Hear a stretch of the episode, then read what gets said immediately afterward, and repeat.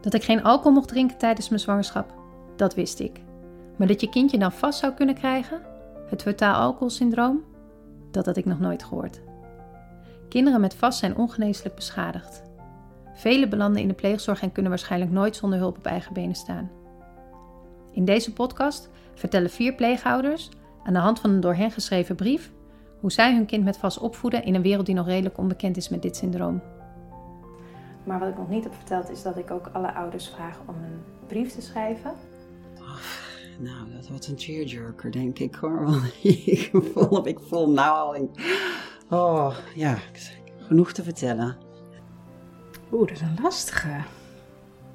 Als je me vraagt naar je biologische ouders, dan zeg ik.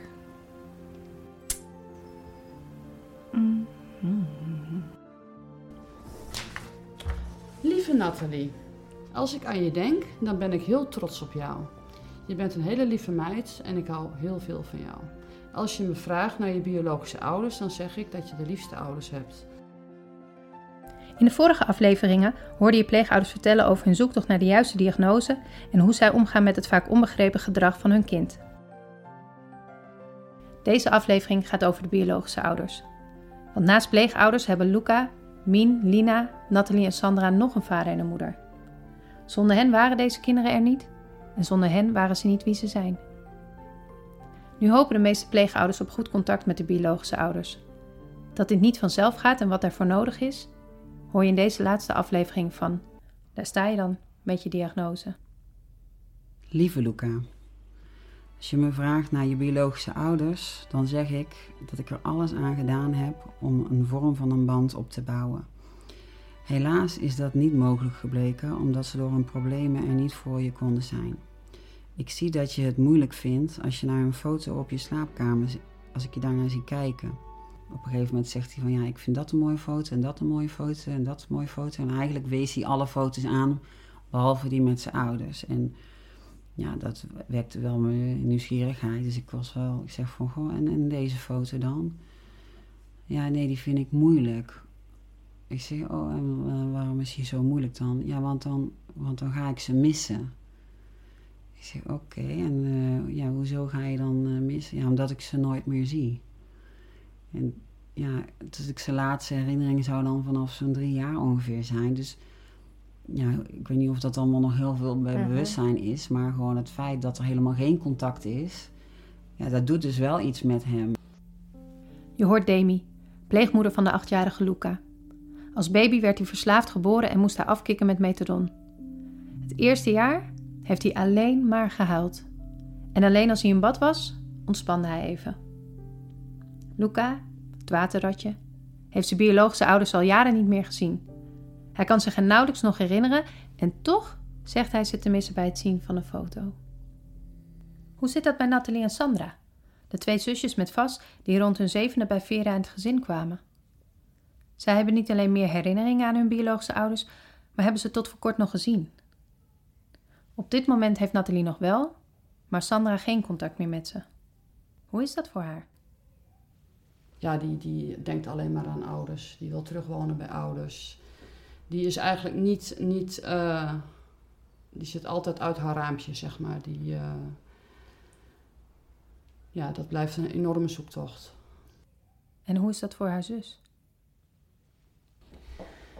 Uh, Nathalie die vindt het heel verdrietig dat uh, Sandra zo ja, diep zit, zeg ik maar even. Uh, die probeert, en dat vind ik heel mooi, hè, want dat, die taal die sluit zo mooi bij elkaar aan. Hè, echt dat, ik noem het al Jip en Janneke taal.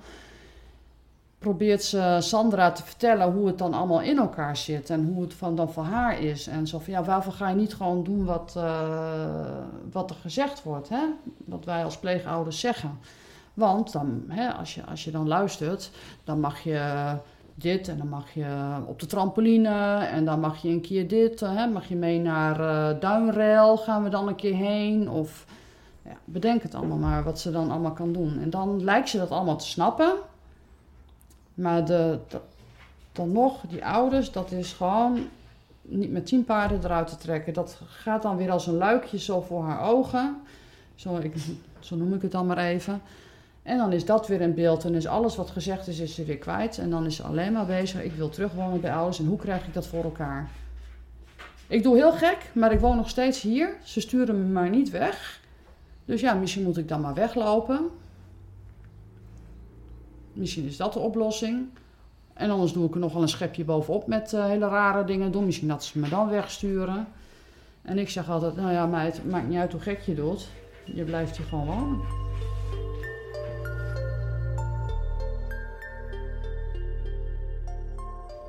Vraag me af waarom Sandra bij haar biologische ouders wil wonen en Nathalie niet. Was het er voor Sandra zoveel fijner dan dat ze het nu heeft? Is het een vastgerelateerde obsessie of voelt ze loyaliteit naar haar biologische ouders? Ik ben benieuwd naar Cora's ervaring. Zij is al tien jaar pleegmoeder van Mien. Mien met de ogen als een hertje. Het dametje op de hakjes. Het meisje dat als een moeder voor haar zusje was. Mien, nu 17, heeft nog altijd contact met haar biologische moeder. Contact waarin ze soms in paniek raakt, zegt Cora. Zoals die keer dat Mien boos was op haar moeder en moeder vervolgens langs wilde komen terwijl ze uit logeren was. Waarom was ze toen in paniek? Omdat zij is boos op haar moeder. En je bent toch altijd loyaal in jouw hoofd naar jouw moeder. En nou ben je boos op haar en wil ze langskomen. En dan moet je haar nog teleurgesteld uh, uh, maken. En, en, je, en je mag eigenlijk niet boos zijn op haar, want, want je ziet haar al zo weinig. En dan raakt ze een soort in paniek. En, en zolang ze dan hier thuis is en even niet met moeder geconfronteerd wordt, dan mag ze die boosheid voelen. Maar als moeder dan vraagt: kan ik op bezoek komen? Dan is het toch je moeder. En daar hou je heel veel van. Ja. Het is wel je moeder. Ja. En je woont er niet bij. En ze heeft het al moeilijk dat je er niet woont. Ja. En ergens voel je het misschien ook wel schuldig over.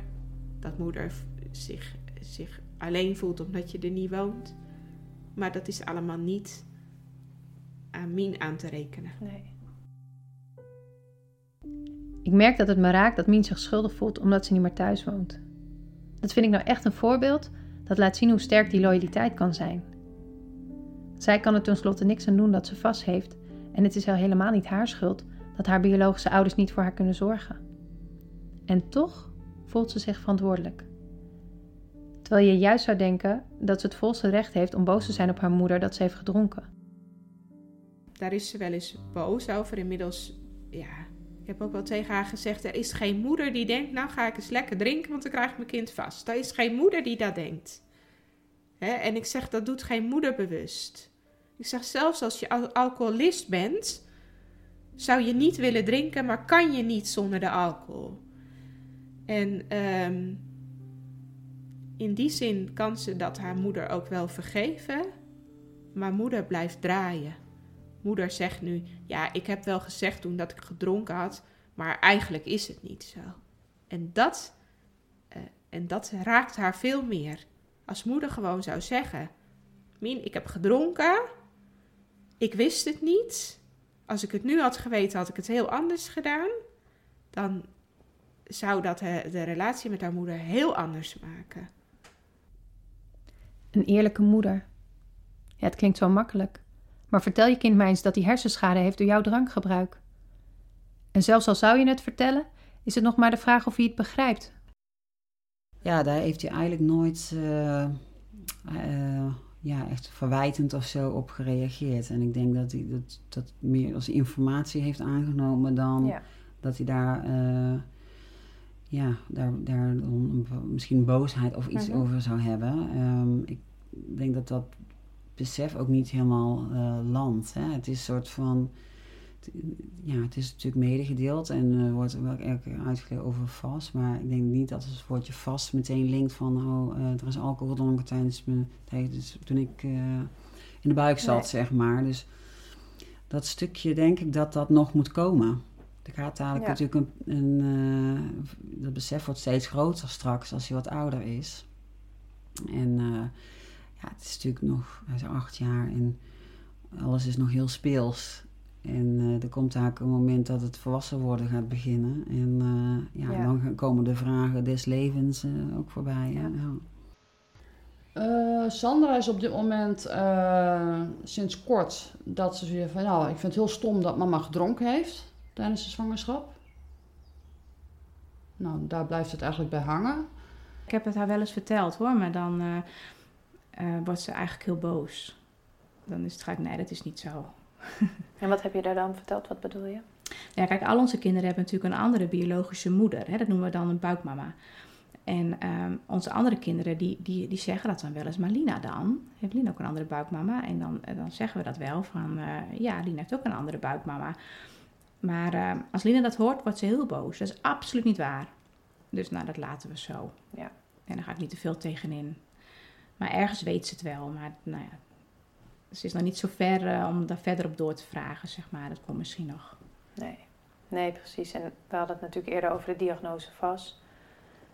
Ze roept wel eens dat ik heb VAS.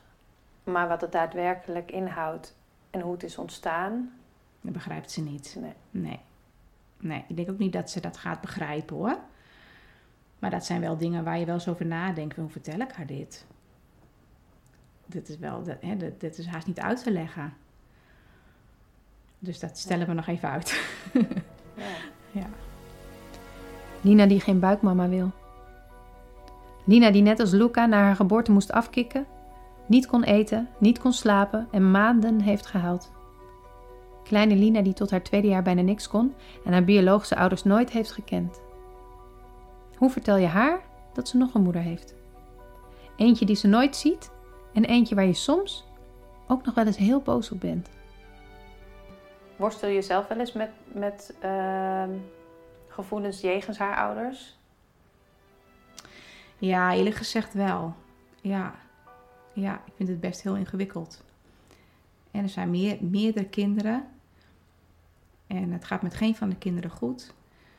En ehm, ja, ik, ik vind het een heel ingewikkeld vraagstuk. Dat je echt denkt van hoe, ja, hoe kan het? En, en, eh, en ook wel van wat was er van haar geworden als ze een normale zwangerschap had gehad? Wat voor meisje was het dan geweest? En eh, ja, hoe was ze dan geweest? En dan had ze misschien wel op sport gekund. En dan had ze misschien gewoon naar school gekund. En een gewoon, een, een gewoon kind kunnen zijn. En dat maakt me soms woest. Dat ik echt denk, oh, ja, Ja. ja. Maar ja, het, het is gewoon, het, het, kan, het kan gewoon voorkomen worden. Ja. Dit.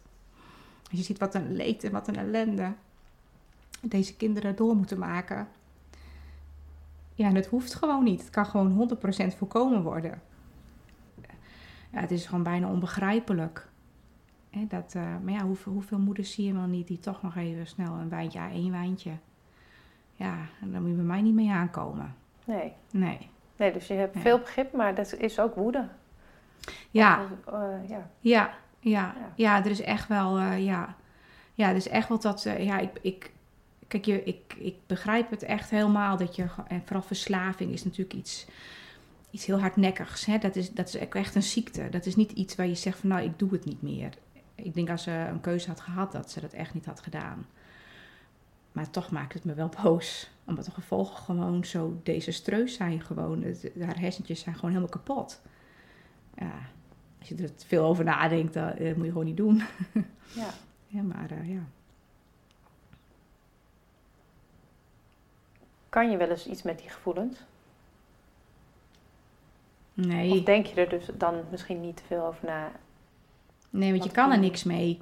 Natuurlijk heb ik dat wel eens. En vooral in periodes dat het heel slecht met haar gaat. Dat je, ja, dat ik er echt wel eens boos van, van ben. En eh, ja, en ook wel eens bijna een beetje soortig met wanhoop van hoe, hoe, ja, hoe komt het met haar? En hoe, hoe, eh, hoe leg ik haar dit uit? En, en eh, ja, maar ja, ik schuif het ook vaak een beetje voor me uit. Omdat, ja, het is nog niet zo ver. Ik hoef het nog niet uit te leggen en het is wat het is. En ik, ja, wij zijn heel blij eh, dat Lina in ons gezin woont en dat we voor haar mogen zorgen. Ja, en daar richt ik dan maar gewoon eh, mijn energie op. Ja, je Ja. wint er niks mee. Eigenlijk. Tja, waar moet je naartoe met die woede? Hetzelfde geldt misschien wel voor de kinderen. Wat levert het je op om boos te zijn op je biologische moeder? En al ben je boos, soms wil je net als Sandra wel gewoon weer bij haar wonen. En soms ken je je biologische ouders niet eens, net als Lina en Luca, maar voel je wel dat er iets mist. Zo tegenstrijdig en tegelijkertijd logisch kan het dus zijn. En waar kinderen en soms ook ouders worstelen met die tegenstrijdige gevoelens, streven pleegouders naar goed contact met de biologische ouders. Het is best lastig als je geen idee hebt waar ze zijn. Uh, nou, ik kan echt wel uh, zien dat dit hun, met, ja, met hun problematiek te maken heeft. Dus um, dat, dat zij ja, natuurlijk op een heel andere golflengte leven dan. en dat er misschien ook wel schaamte is, hè? dat ze gewoon ook nu misschien denken: oh ja, laat maar. Het, ja, dat, dat ze daar om die reden ook niet meer proberen. Ja. Ik, ik, ja, ik weet nee, maar je leeft je wel. Ja, ik leef echt wel wel in. in, Ik kan ja. mij namelijk niet voorstellen dat een bloedband eh, te doorbreken valt. Dat valt alleen maar te doorbreken als je beïnvloed wordt. En in dit geval is dat dan eh, ja, eh, verdovende middelen. Dus de, de natuur doet zijn werk. En ja, ik, ik kan me niet voorstellen dat die mensen niet ochtends opstaan en denken van hoe zou het met hem gaan. Ja. Met allemaal hun kinderen gaan eigenlijk, ja. Dus dat, eh, dat zit er ergens, maar dat wordt verdoofd. En ja, zolang dat verdoofd wordt, gaat er ook niks veranderen. Nee. Nee, je kan in die zin de situatie en hen daarin begrijpen dat ze onder invloed zijn en dan ook niet daarna kunnen handelen. Eh, ja, dat zei natuurlijk, het is natuurlijk beïnvloedt je emoties. En als jij niet meer bij je emoties kan komen, bij je, de kern van jezelf kan komen, omdat dat jij onder invloed bent van, van, ja, van verdovende middelen, ja, dan eerst moet dat doorbroken worden om eigenlijk eh, Ja. daar te kunnen komen. En ja, zolang zij dus nog eh, in die problematiek zitten, ja, dan, dan gaat dat ook gewoon niet meer veranderen. Dat, dat moet eerst een traject zijn van, van afkicken voordat je weer jezelf kunt zijn en dan bij die gevoelens komen. En eh, de deur staat altijd open. Lieve Mien, als ik aan je denk, dan zie ik een prachtige meid van 17. Ik ben zo trots op wie jij geworden bent en hoe hard jij werkt aan jezelf en je zelfontplooiing. Als je me vraagt naar je biologische ouders, dan zeg ik dat je moeder, je moeder houdt heel veel van je. Ze wil het heel graag goed doen, ook al zie je dat niet altijd en lijkt het ook niet altijd zo te zijn. Je vader is niet in beeld, over hem kan ik niks zeggen. Wat als diezelfde vader ineens wel in beeld komt? We hebben vorig jaar gehad dat, eh, dat de biologische eh, vader van Mien zocht opeens contact met haar via social media. Daar is ze enorm van geschrokken. Ehm, aan de andere kant dacht ze ook van, oh jippie, eindelijk na tien jaar neemt hij contact met mij op. En toen dacht ze op een gegeven moment, ik vind die man wel heel erg dwingend. Hij heeft zo lang niet naar mij omgekeken. En toen zei ze, ik heb acht jaar lang zoveel verdriet gehad. Toen heb ik begeleid gewoond. Toen heb ik geleerd dat ik ook voor mezelf mag kiezen. En nu woon ik net weer hier en ik wil voor mezelf kiezen en ik wil therapie. Nu past hij niet in mijn leven. En ja, daarvan zei moeder ja, maar het, het is toch hun vader. Zeg nou, ik weet niet of jij vergeten bent wat hij gedaan heeft, gezegd heeft enzovoort. Ja, maar het is toch hun vader. Ik zeg, nou weet je, dit is wat Mien zegt. Ja, maar tegen mij zegt ze wat anders. Zegt, dat komt omdat je haar moeder bent. En zij denkt, mama wil dat ik dit of dat zegt. En dat zegt ze. Dat is haar loyaliteit. Maar als zij zegt, ik wil geen contact, dan wil ze ook geen contact. Dan moet vader maar geduld hebben tot het moment dat ze het wel wil. En ehm, ja, dat vond moeder niet leuk. Want die dacht van, nou, komt hij eindelijk eens na tien jaar weer eens een keer eh, om de hoek kijken. Maar ik ben dan heel argwanend. Waarom nu, op dit moment? En waarom op zo'n agressieve manier? Hè, dat, je, dat je contact zoekt en, en, en maar blijft pushen. Je vermoedt dat er misschien andere intenties ook een, Eh, een rol spelen. Of... Kan ik niet zeggen. Nee. Maar ik ga ook niks uitsluiten. Mhm. En als zij dan zegt: Dit is mijn grens, ik wil geen contact. Ook al weet ik dat ze het twee jaar geleden nog heel graag wilde, op dit moment wil ze het niet. Ja. Dan ga ik ook niet zeggen, ja, maar Mien, je wilde twee jaar geleden, wil je het wel. En straks krijg je er spijt van. Denk, vergaat de wereld als ze het niet doet? Als zij nu zegt, ik wil het nu niet, misschien over vijf jaar wel, ik ben nu zelf aan de beurt, prima. Het is heel goed dat jij voor jezelf opkomt. Wanneer Mien haar biologische vader niet wil zien, respecteert Cora dat. Dat is tenslotte wat zij wil. Maar wat nou als je dochter iets wil dat eigenlijk niet goed voor haar is? Wat doe je bijvoorbeeld in het geval van Sandra als zij haar biologische ouders wil zien, maar dit contact haar geen goed doet? Hoe is jouw relatie met de ouders? Goed. Ik heb eh, ouders eh, op de app. Eh, ik stuur heel regelmatig foto's. Je hebt ook zo'n zo'n leuk eh, app. dan kun je een foto maken en dan kun je er een muziekje onder zetten en dan beweegt het gezicht mee. Nou ja, allemaal van Snapchat eh, dingetjes. En eh, ja, als ouders, echt vooral moeder, die heeft heel, wel regelmatig vragen. En dan mag ik je wat vragen. En eh, nou, dat is gewoon prima. En dan hebben we gewoon contact en dan bel ik of even met ze. Om, hè, dat is altijd wel handig dan via WhatsApp. En dan bel ik gewoon met ze en dan ja, is het altijd prima.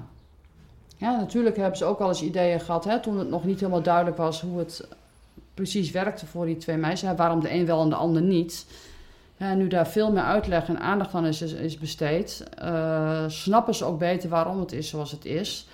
En ik vind ook eh, fijn dat die communicatie gewoon open is. Ook al moet je het heel vaak herhalen bij ouders. Want ja, ze zijn allebei nog steeds aan de drank. En ja, ze onthouden 9 van de 10 keer niet waarom de dingen zijn zoals ze zijn.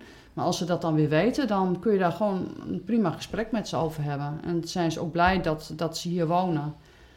En eh, dat ze ook wel benadrukken dat wij wel twee hele pittige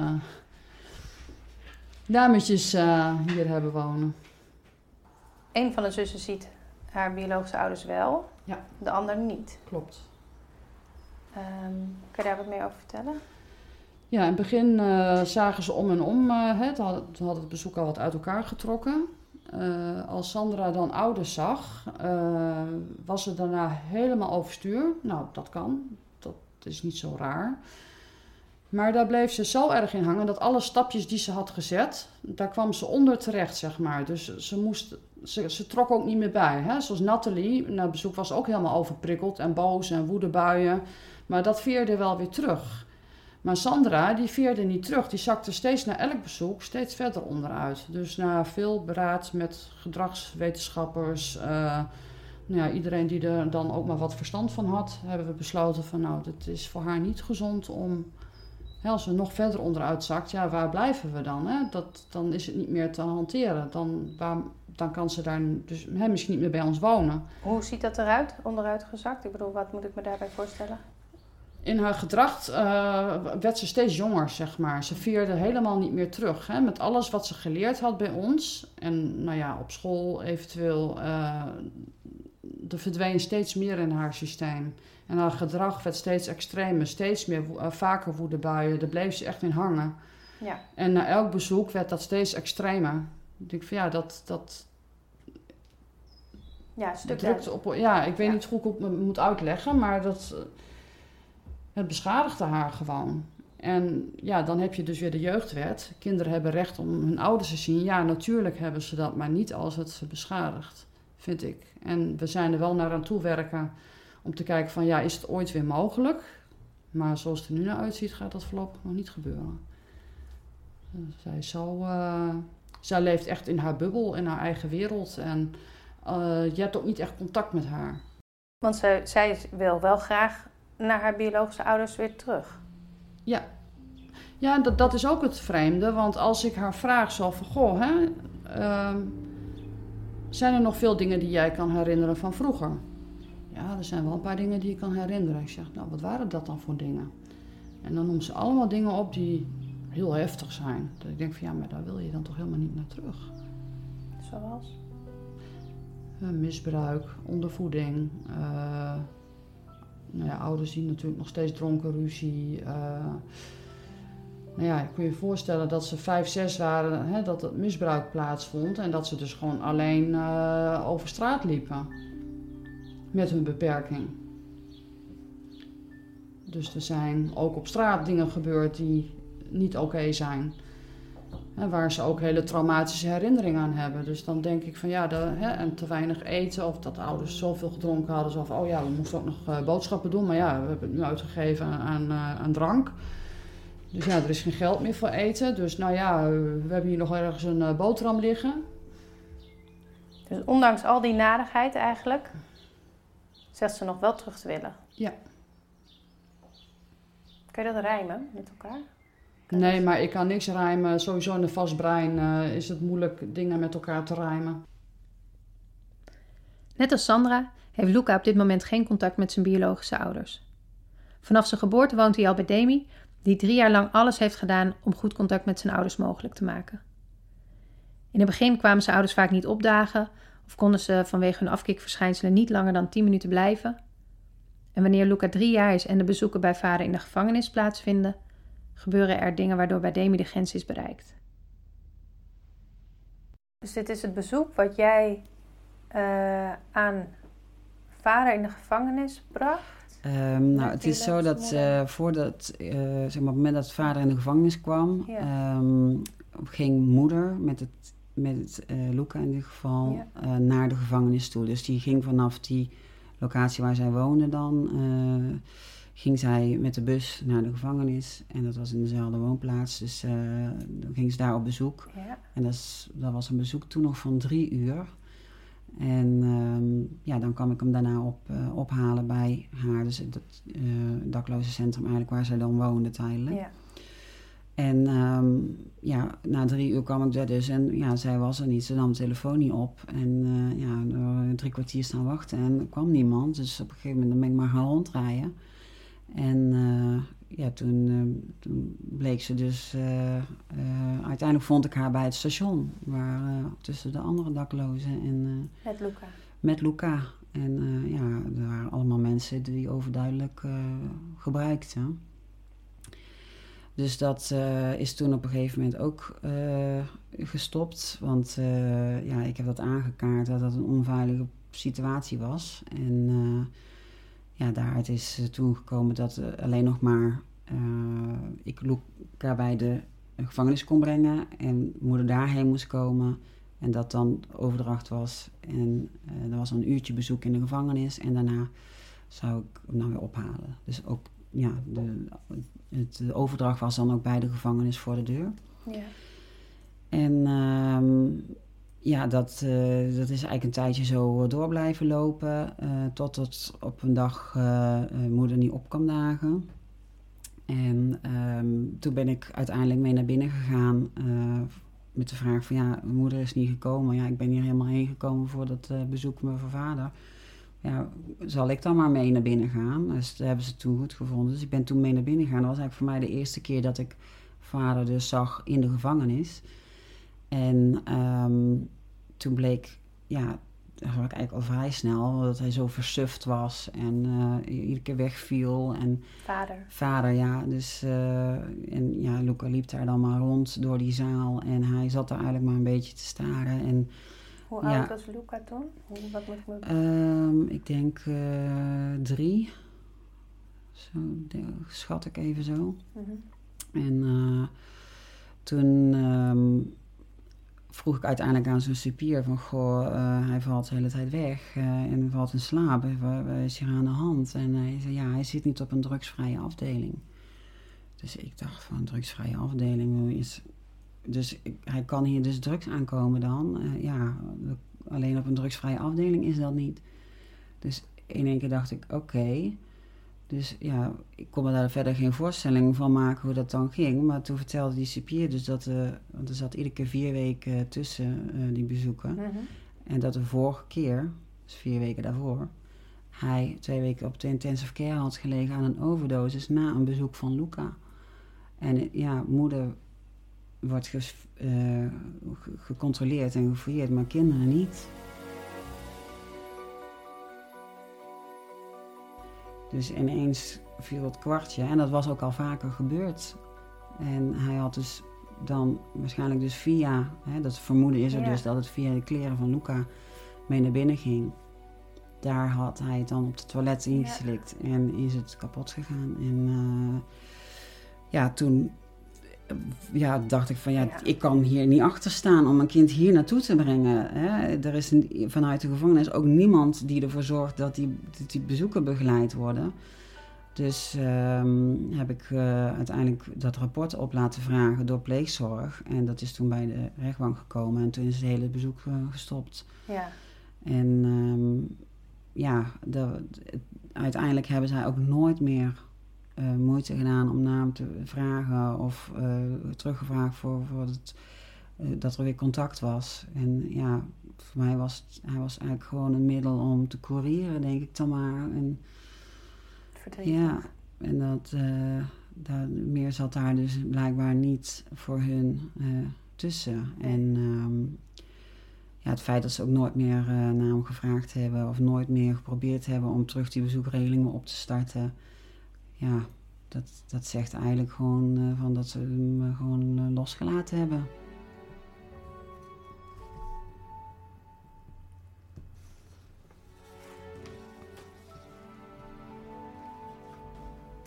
Lieve Lina, als ik aan je denk, dan word ik blij. Als je me vraagt naar je biologische ouders, dan zeg ik dat ze van je houden, maar niet voor je kunnen zorgen. Wat ik je nog wil zeggen, is dat ik hoop dat we er altijd voor je kunnen zijn. Nou, Niks meer aan toe te voegen. nee, nee, ja, het is lastig. Ik ben ook wel een beetje emotioneel of zo. Ja, op een of andere manier. Ik denk, ja, hmm, ja, Ja, wat Wel, maakt je emotioneel? Ehm, ik denk omdat je, de, je staat er even bij stil of zo. Hè? Normaal gesproken dan, dan leef je gewoon. En je doet en je handelt, zeg maar. Maar als je dus zo denkt, ja, zo, dat een beetje. Mhm. Zeg maar, je staat er eigenlijk nooit bij stil. Dus je hebt ook nooit de ruimte of zo om er even over na te denken. Alleen nu word je min of meer een beetje gedwongen. En dan voel je dat ook allemaal even of zo. Dat denk ik. Goed contact met de biologische ouders zou in het belang moeten zijn van het kind. Maar soms is het gewoon niet mogelijk. Ik snap nu dat je als pleegouder steeds een balans moet opmaken. Draagt het contact nog bij? Of heeft mijn kind er last van? En dan blijkt het ook nog best ingewikkeld om het belang van je kind voorop te stellen als dat betekent dat er geen contact is met de biologische ouders. Is goed contact, is een mooi streven, maar is niet altijd haalbaar.